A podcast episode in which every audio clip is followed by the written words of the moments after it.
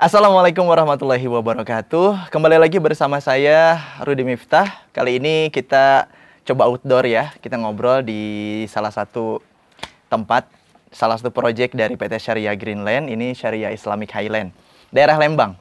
Ya, kita nanti juga akan berkeliling, uh, tapi sekarang kita coba ngobrol-ngobrol dulu sambil menikmati ayunan yang ya lumayan ya, enakan.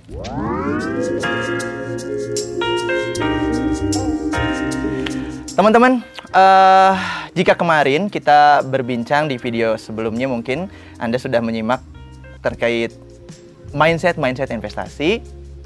Izinkan saya bercerita kali ini biar karena suasana juga sangat santai ya.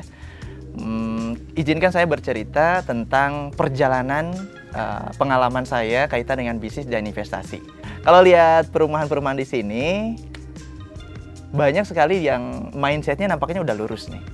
Ya, mindsetnya adalah investasi, sekaligus juga uh, dihuni juga kali sekali sekali dihuni, tapi bisa jadi untuk sekalian investasi.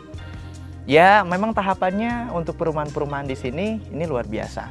Sudah mindset investasinya insya Allah sudah sudah lurus. Karena juga sebelum masuk beli di perumahan ini, uh, biasanya konsumen itu memang brainstorming, ngobrol dan sebagainya, sehingga kita uh, diarahkanlah untuk kemudian mindset investasinya lurus dulu sehingga mau beli di sini dengan harga yang insya Allah pas untuk dan dijual kembali nanti di kemudian hari atau disewakan dan sebagainya menjadi aset-aset investasi. Baik teman-teman, dulu ketika saya mencoba awal-awal berbisnis, tentu semua orang ingin segala bisnis dicoba. Namun jangan lupa uh, yang harus kita lakukan sebenarnya adalah benar-benar bagaimana kita mencari ilmu bisnis itu sendiri. Tapi jangan sampai kita juga uh, lupa mempraktekannya, ya. Ada yang orang kemudian um, semangat untuk mencari ilmu bisnis, tapi nggak mau sambil diterapkan, tidak mau sambil dicobakan, gitu. Tapi ada juga yang sebaliknya, sudah deh jalan dulu saja, gitu ya, jalan dulu saja, gitu. Sampai ilmunya nggak ketemu-ketemu sambil jalan, rugi terus dan sebagainya. Nah, saya dulu teman-teman pernah juga uh, mengalami uh, perjalanan bisnis dan investasi. Yang pertama, dulu saya pernah setelah menjadi seorang penyiar radio zaman dulu ya, 10 tahunan yang lalu, saya juga uh, pernah memiliki satu bisnis yakni bisnis advertising atau periklanan. Lebih tepatnya sih jasa periklanan saya kemudian punya klien dari berbagai kota besar, terutama dari Jakarta. Saya iklankan di semua apa namanya tuh, semua radio, semua TV di seluruh Indonesia, gitu ya. Sambil juga saya cari-cari apa namanya, cari-cari pengalaman. Kemudian juga dari sisi bisnis ya, itu pengalaman saya, saya punya pernah punya advertising dan masya Allah untuk ukuran umur uh, anak anak muda umur 20-an, kemudian waktu itu saya pendapatan sudah sampai dua digit, saya kira udah lumayan banget ya dari bisnis advertising itu. Namun uh, ada kendala tuh di situ. Kendalanya adalah, aduh, kok yang saya iklankan ini produk-produk yang saya iklankan, klien-klien yang saya iklankan cenderung kemudian uh, produknya kadang punten dalam tanda kutip tipu-tipu. tidak sesuai yang dijanjikan, produknya tidak sesuai yang diiklankan gitu ya. Kemudian juga banyak uh, produk yang masya Allah ya, ini membuat saya juga semakin berpikir ulang, apakah ini bisnis yang baik atau tidak bagi saya. Produknya ini misalnya produk punten umroh katakanlah seperti itu ya yang kebetulan yang saya pegang ini umrohnya ini harganya murah gitu ya kemudian kadang nggak masuk akal harganya tapi laku banget gitu ya. Misalnya uh, di suatu kota diiklankan uh, satu na satu travel umroh program umroh gitu ya yang harganya cuma belasan juta ya. Atau umroh dengan skema pembayaran tertentu dan sebagainya. Saya iklankan tuh bahkan saya bantu untuk promosikan sebagai talk showernya sebagai saya juru iklannya. Eh alhasil sukses iklannya bisa menggait seribu jamaah 500 jamaah. Namun sayang sekali pada waktu itu saya mengalami uh, kekecewaan yang sangat berat. Walaupun kekecewaan saya tidak tidak seperti kekecewaan para jamaah yang tidak bisa berangkat misalnya gitu ya. Kemudian itu ya produknya bodong. Umrohnya bodong lah katakanlah seperti itu. Banyak lagi produk-produk yang lainnya ketika saya berada di bisnis uh, advertising ya seperti itu dan akhirnya terus berpikir terus berpikir oh sebenarnya apa sih yang menyebabkan kemudian uh, bisnis ini kok ketika kita semakin dalam, semakin banyak uang kok makin semak, malah semakin kurang nyaman gitu ya.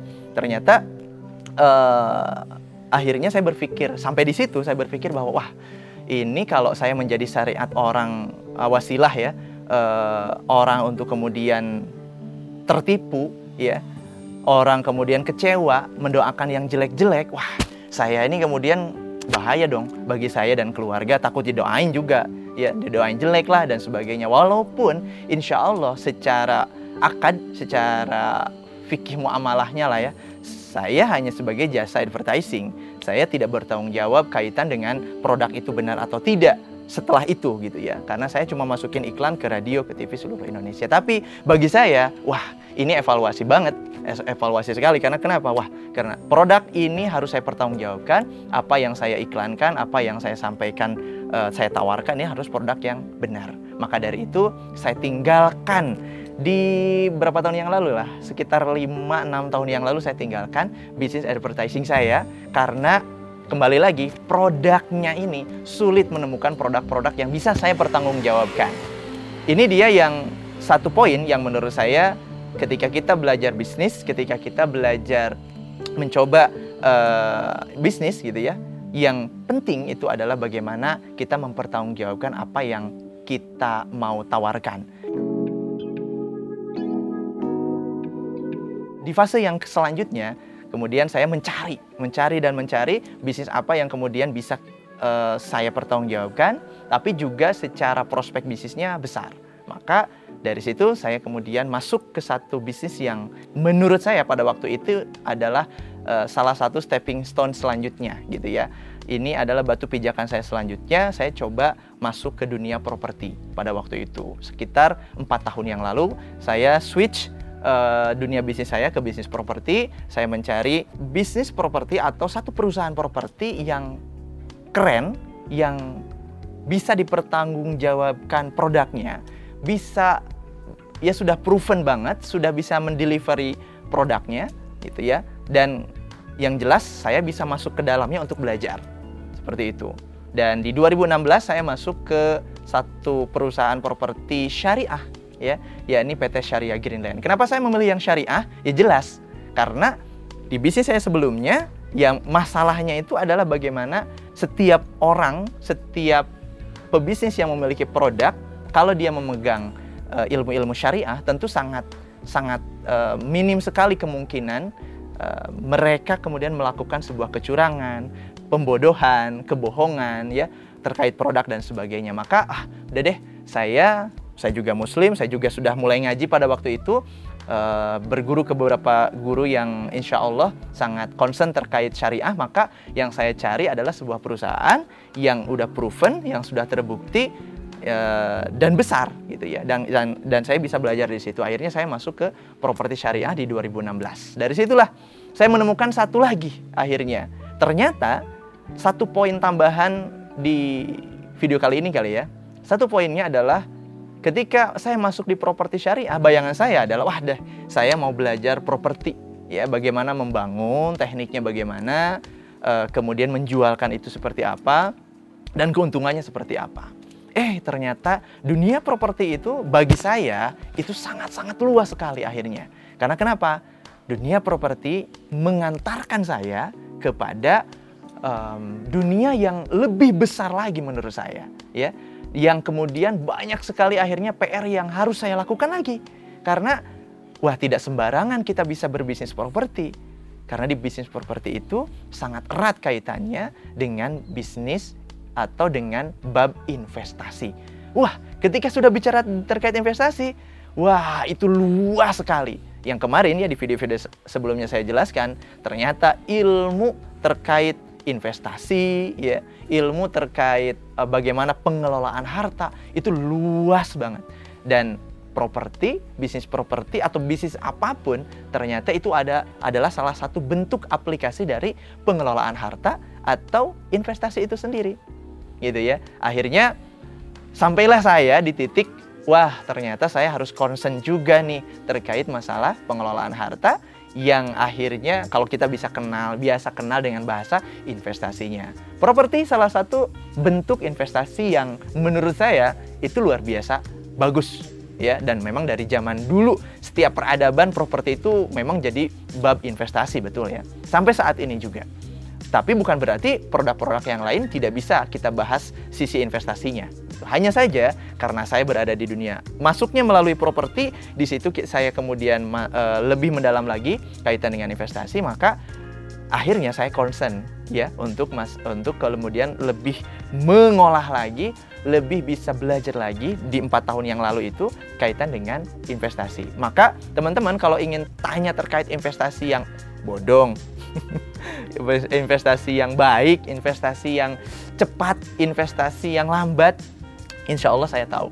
Nanti saya akan sharing kepada Anda, ya. Dan saya juga mengalami di fase-fase sebelumnya juga sebenarnya saya pernah berinvestasi, kemudian investasinya bodong, uang saya ratusan juta menghilang, ya, dan saya harus ganti dan sebagainya dan sebagainya itu sudah saya alami sampai di titik insya Allah sampai saat ini saya di dunia properti aset saya lumayan juga uh, kemudian juga memainkan aset itu agar menjadi sebuah uh, bola salju yang jauh lebih besar berkembang berkembang berkembang lagi.